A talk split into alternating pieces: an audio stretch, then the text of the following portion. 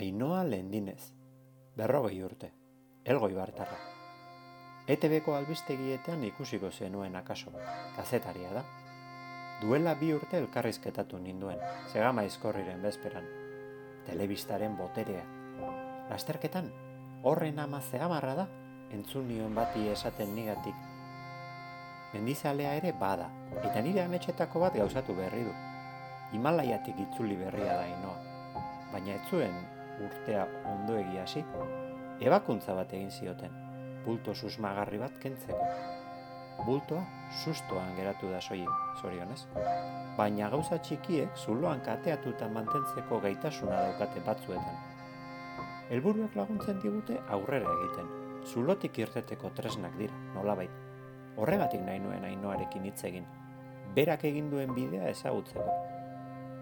Menditerapiak lagundu dio, helburu bat visualizatzeak eta inguruak ere, noski. Himalaia zuen amets, nik ere bai. Zazpi urte geratzen zaizkit Himalaiara joateko.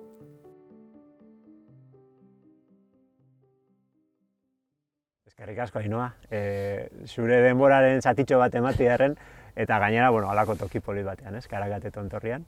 E, ze modu zitutzen da bat e, Himalaiatik e, karakatera eta elgoi barrera?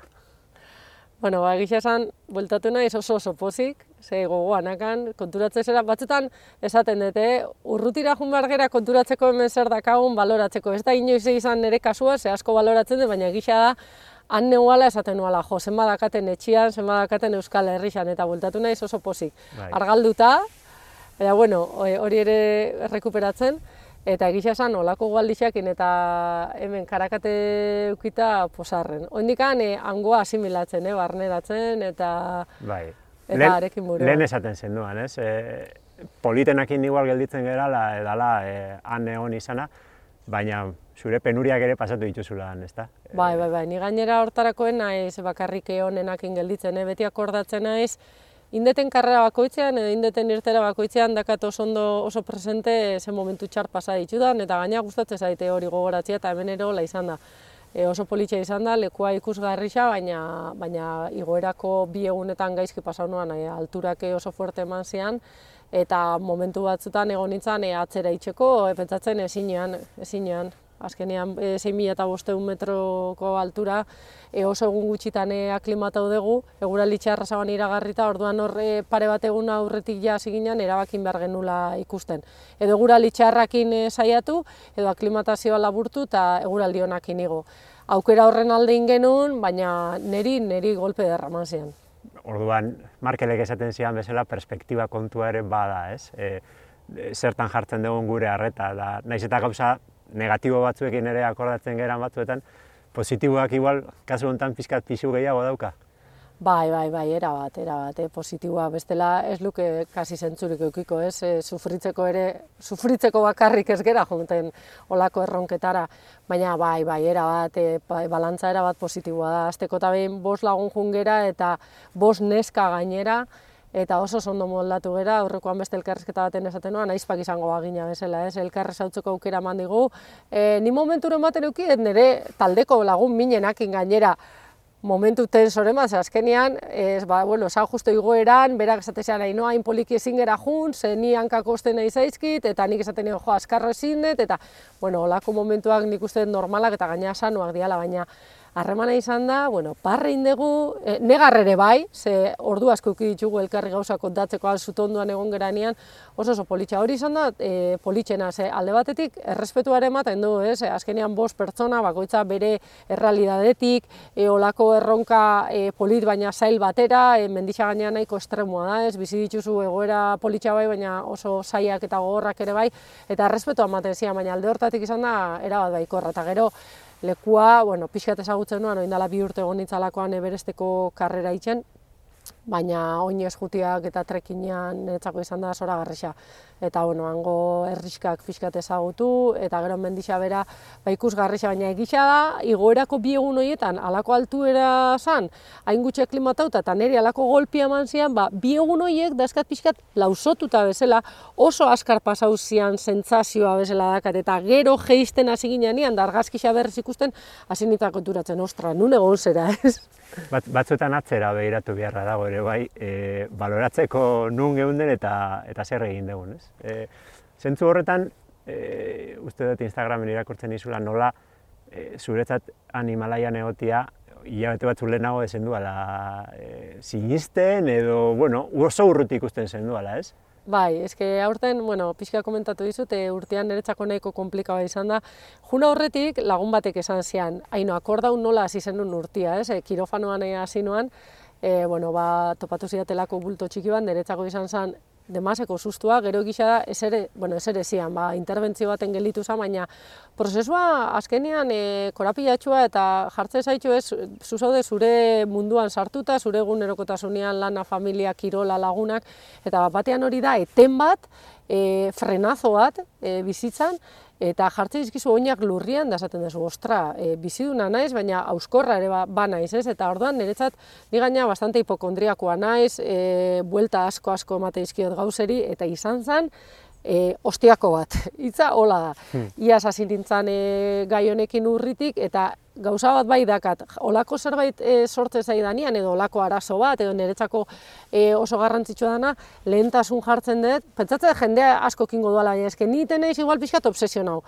Eta ja, hortan fokalizauta, beste gauza asko e, alboratuta, eta orduan iasko urritik, abenduan operatu ninduten, gabon guztiak e, urtarria zirar arte, bajan egon nintzen, eta egia esan, jo ba, operaziotik atera nintzen oso pozik, baina gero, e, udaberrira arte gora bera asko eukin ditxun, e, retentzio ondisa eukin nuan, e, zorabioak ere bai, e, ahuldadea ondisa, orduan zan medikuekin egon, ez dizugu ezer ikusten, e, alde alternatibotik jun, nik asko sinisten detela hortan, elikadura, por supuesto, aspalitik e, aldatuta katela, oso komplejua izan da alde hortatik, eta nire ilusioa zen, bueno, ja ondo nao, mendira hasiko naiz juten, lehengo inoez gero korrika, eta, bueno, korrika hasi nintzanean ere, nitxun irtera batzu lagun min batekin, eta ondo sentitzen nintzen, baina igual urrengo bi egunetan sekulako bajoia. Orduan, esaten joa, jo, berroni buelta ematen dio dan, ez?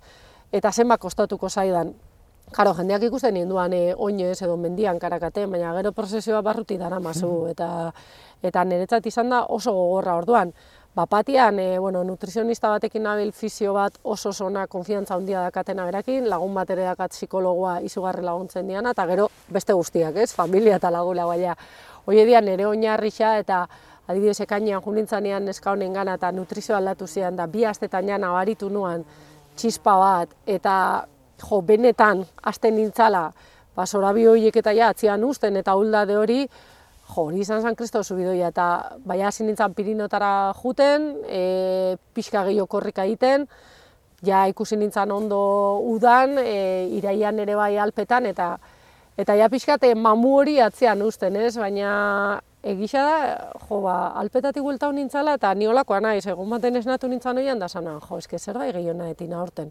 Hola, mendi, handiren bat, e, ilusioa da, aurten zeo zeiteko, eta Hasi nintzen begira Himalaiako mendiola niretzako eskura egon daitezkenak, lagunek, laguna askatere bai gidarixak eta bereiekin asko hitz egin da, eta beste lagunen bat egon dana eta berakin hitz egin da ere. Eta bi kontuan e, montatu nuan taldea, honi esan nion, hau animatzen zen, besteak deitu zian lagun batek, ba, igual Kilimanjaro, ez ez utzi Kilimanjaro datorren urterako, Nepalea goia, ez da benga, bale, eta bost laguneko taldea osatu genuen orduan izan da azkarra eta aldiberian jo, urtia nola hasi oso presente daka, ze gaina oin izango da urte bete operatu nindutela, eta hola amaitzia, bueno, bueno, ez nuan ni, barkatu.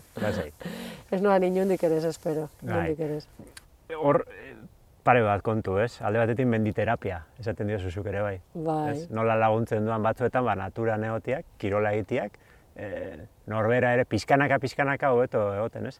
Eta eta gero helburu edo erronka bat eukitzia, Alberto Inurrategi irakurtzen nion eh, aurrekoan, nola erronka pixkat komplikatu bat edo eukitzia lagungarria izaten dela batzuetan, e, norbere burua pixkat ere gehiago soka e, tenkatzeko, ez? Orduan zuretat izan zen pixkat erronka pixkat, komplexu bat edo?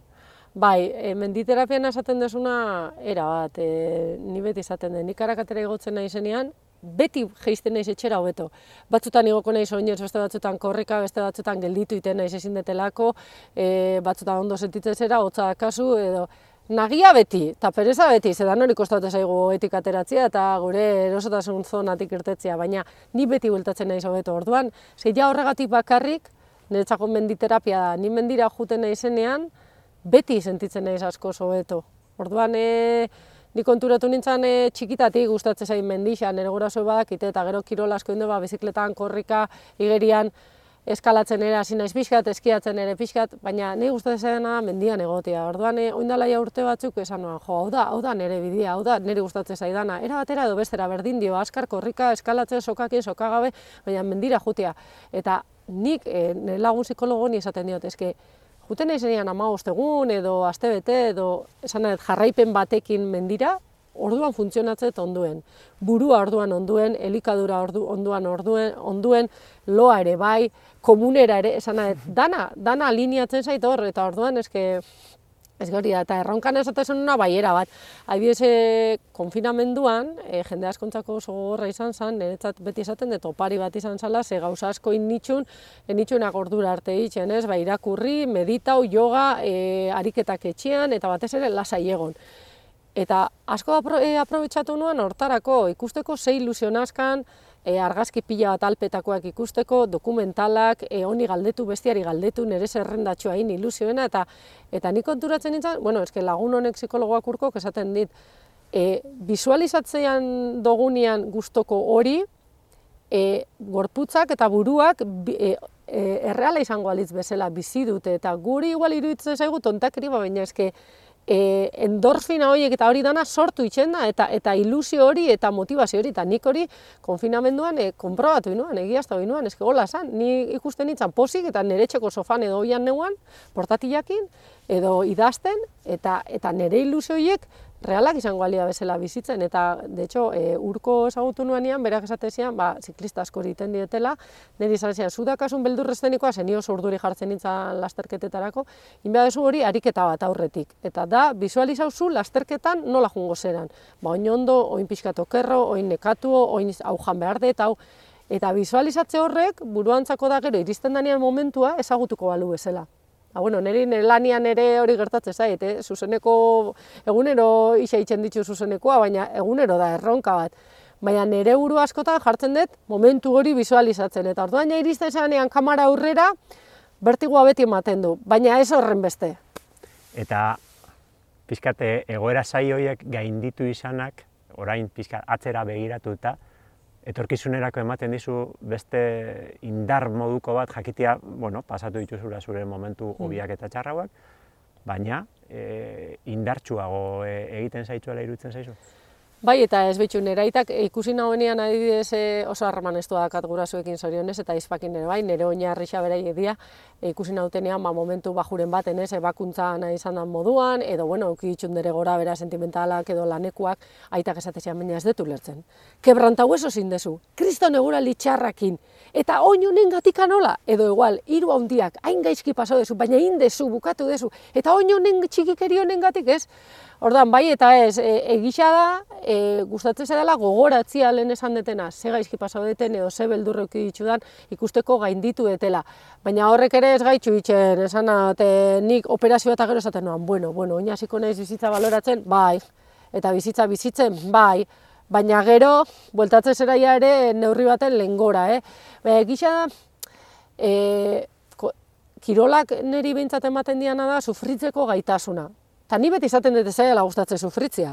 Baina konturatzen zera, biz, kirolik itxen den ez duan jendiak, beste sufrimendu batzuk dauzke, eh? hori da bezala. Baina kirola bai ematen dizu, ostra, gaizki nao, baina aurrera nua, eta benga, pixka gehiago, eta saiatu ingo naiz behintzat, eta askotan dakazu hotza, loguria, gozia, e, nekia, berakua, e, mina, e, eta eta ez dakit nundik ateratzen zu indarra, edo, edo ingurukuek ematen dizutelako, eta itxen dozu. Eta nik uste horrek alde horretatik, bai, gero bizitza, eguneroko bizitzarako laguntzen doala. Ni behintzat, e, kirola laguntzen dit, ni juten naiz lanera, posarren, asko gustatzen zainen lanare, eh? e, suertia dakat.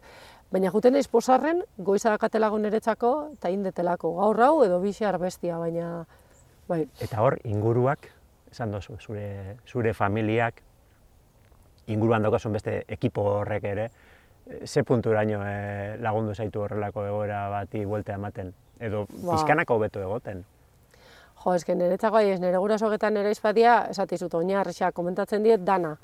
Eta gero aldi berian askatasuna dakat, eh? Esan, ni badakite beraientzat, eh, ni malaian egon nahi ba, kezka bat izan dela. Ze gero gaina, nian emanean eh, saiatu nahi ze, ze larazten hori, baina e, porteadore bat hil zan e, altura jota gu errefugixuan, erreskate bat egon zan egurali txarrakin bi mendizale desagertu zialako, klaro, niri lagun ematek idatzi zian, Twitterren eta ibiltzen dianak, zorionez nera mak eta Twitterrez dut erabiltzen da ez dut ikusi, baina jo, gero konturatzen zea, karo, eske Himalaian nao, oso urruti nao, mendia hundixia dia, eta bueno, hau ez da eberest, baina hemen ekaitza sartzen bada ere, e, la hemos liao. Eta esan eta kristo, babesa ematen diate, zeberei badakite hau dela nere bizitza, baina gero ere, konstiente naiz, ez naizela pertsona bat, hile bete badi joan ara eta egoten da errespeto guztiekin, eh? Zeola da jendea, baina nien naiz olakoa seinalerik egan gabe, edo ni bi egunetik behin, esaten nien laguneri, nik mila arrupia pagauko ditut, wifi xana eta euki, gurasoeri bidaltzeko apare bat argazkitan mezu bat. Ordan nire gurasoak eta nire eta lagun minak ere, ez, lagun min asko dazkat, hori sekulako suertea da, e, urtien poderi euskun naiz konturatzen, bai, altxor bada niretzako, eta hori danak hor egondia babesa ematen eta kezkatuta.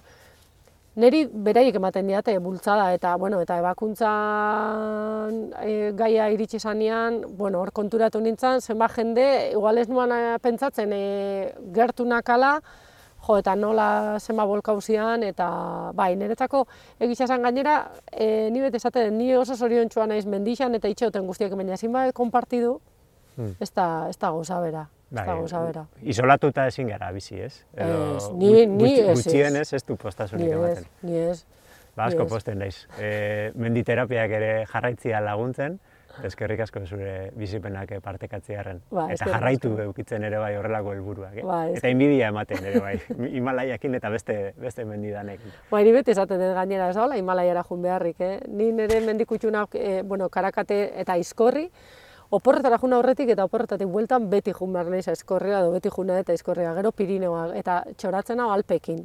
Zedia, bueno, neurriko tamainako, bueno, a ber, mendia ondixa dia, baina, bueno, ez daude hain hain hain urruti, eta Eta bueno, hor, hor da eskati luze ondixenak. Himalaia bai ikusiet oso ondixa dela. Oso, oso, oso ondixa dela. Eta gauza txiki bat itxeko, ama egunetan pasado egun guztia pasau behar bada, ez dut imagina nahi sortzi mila metrora, baina bueltatuko naiz. Bueltatuko naiz. Eta ikusi desagula. Eskerrik asko, Eta kontatu. Eskerrik asko. Esker. Zeuri.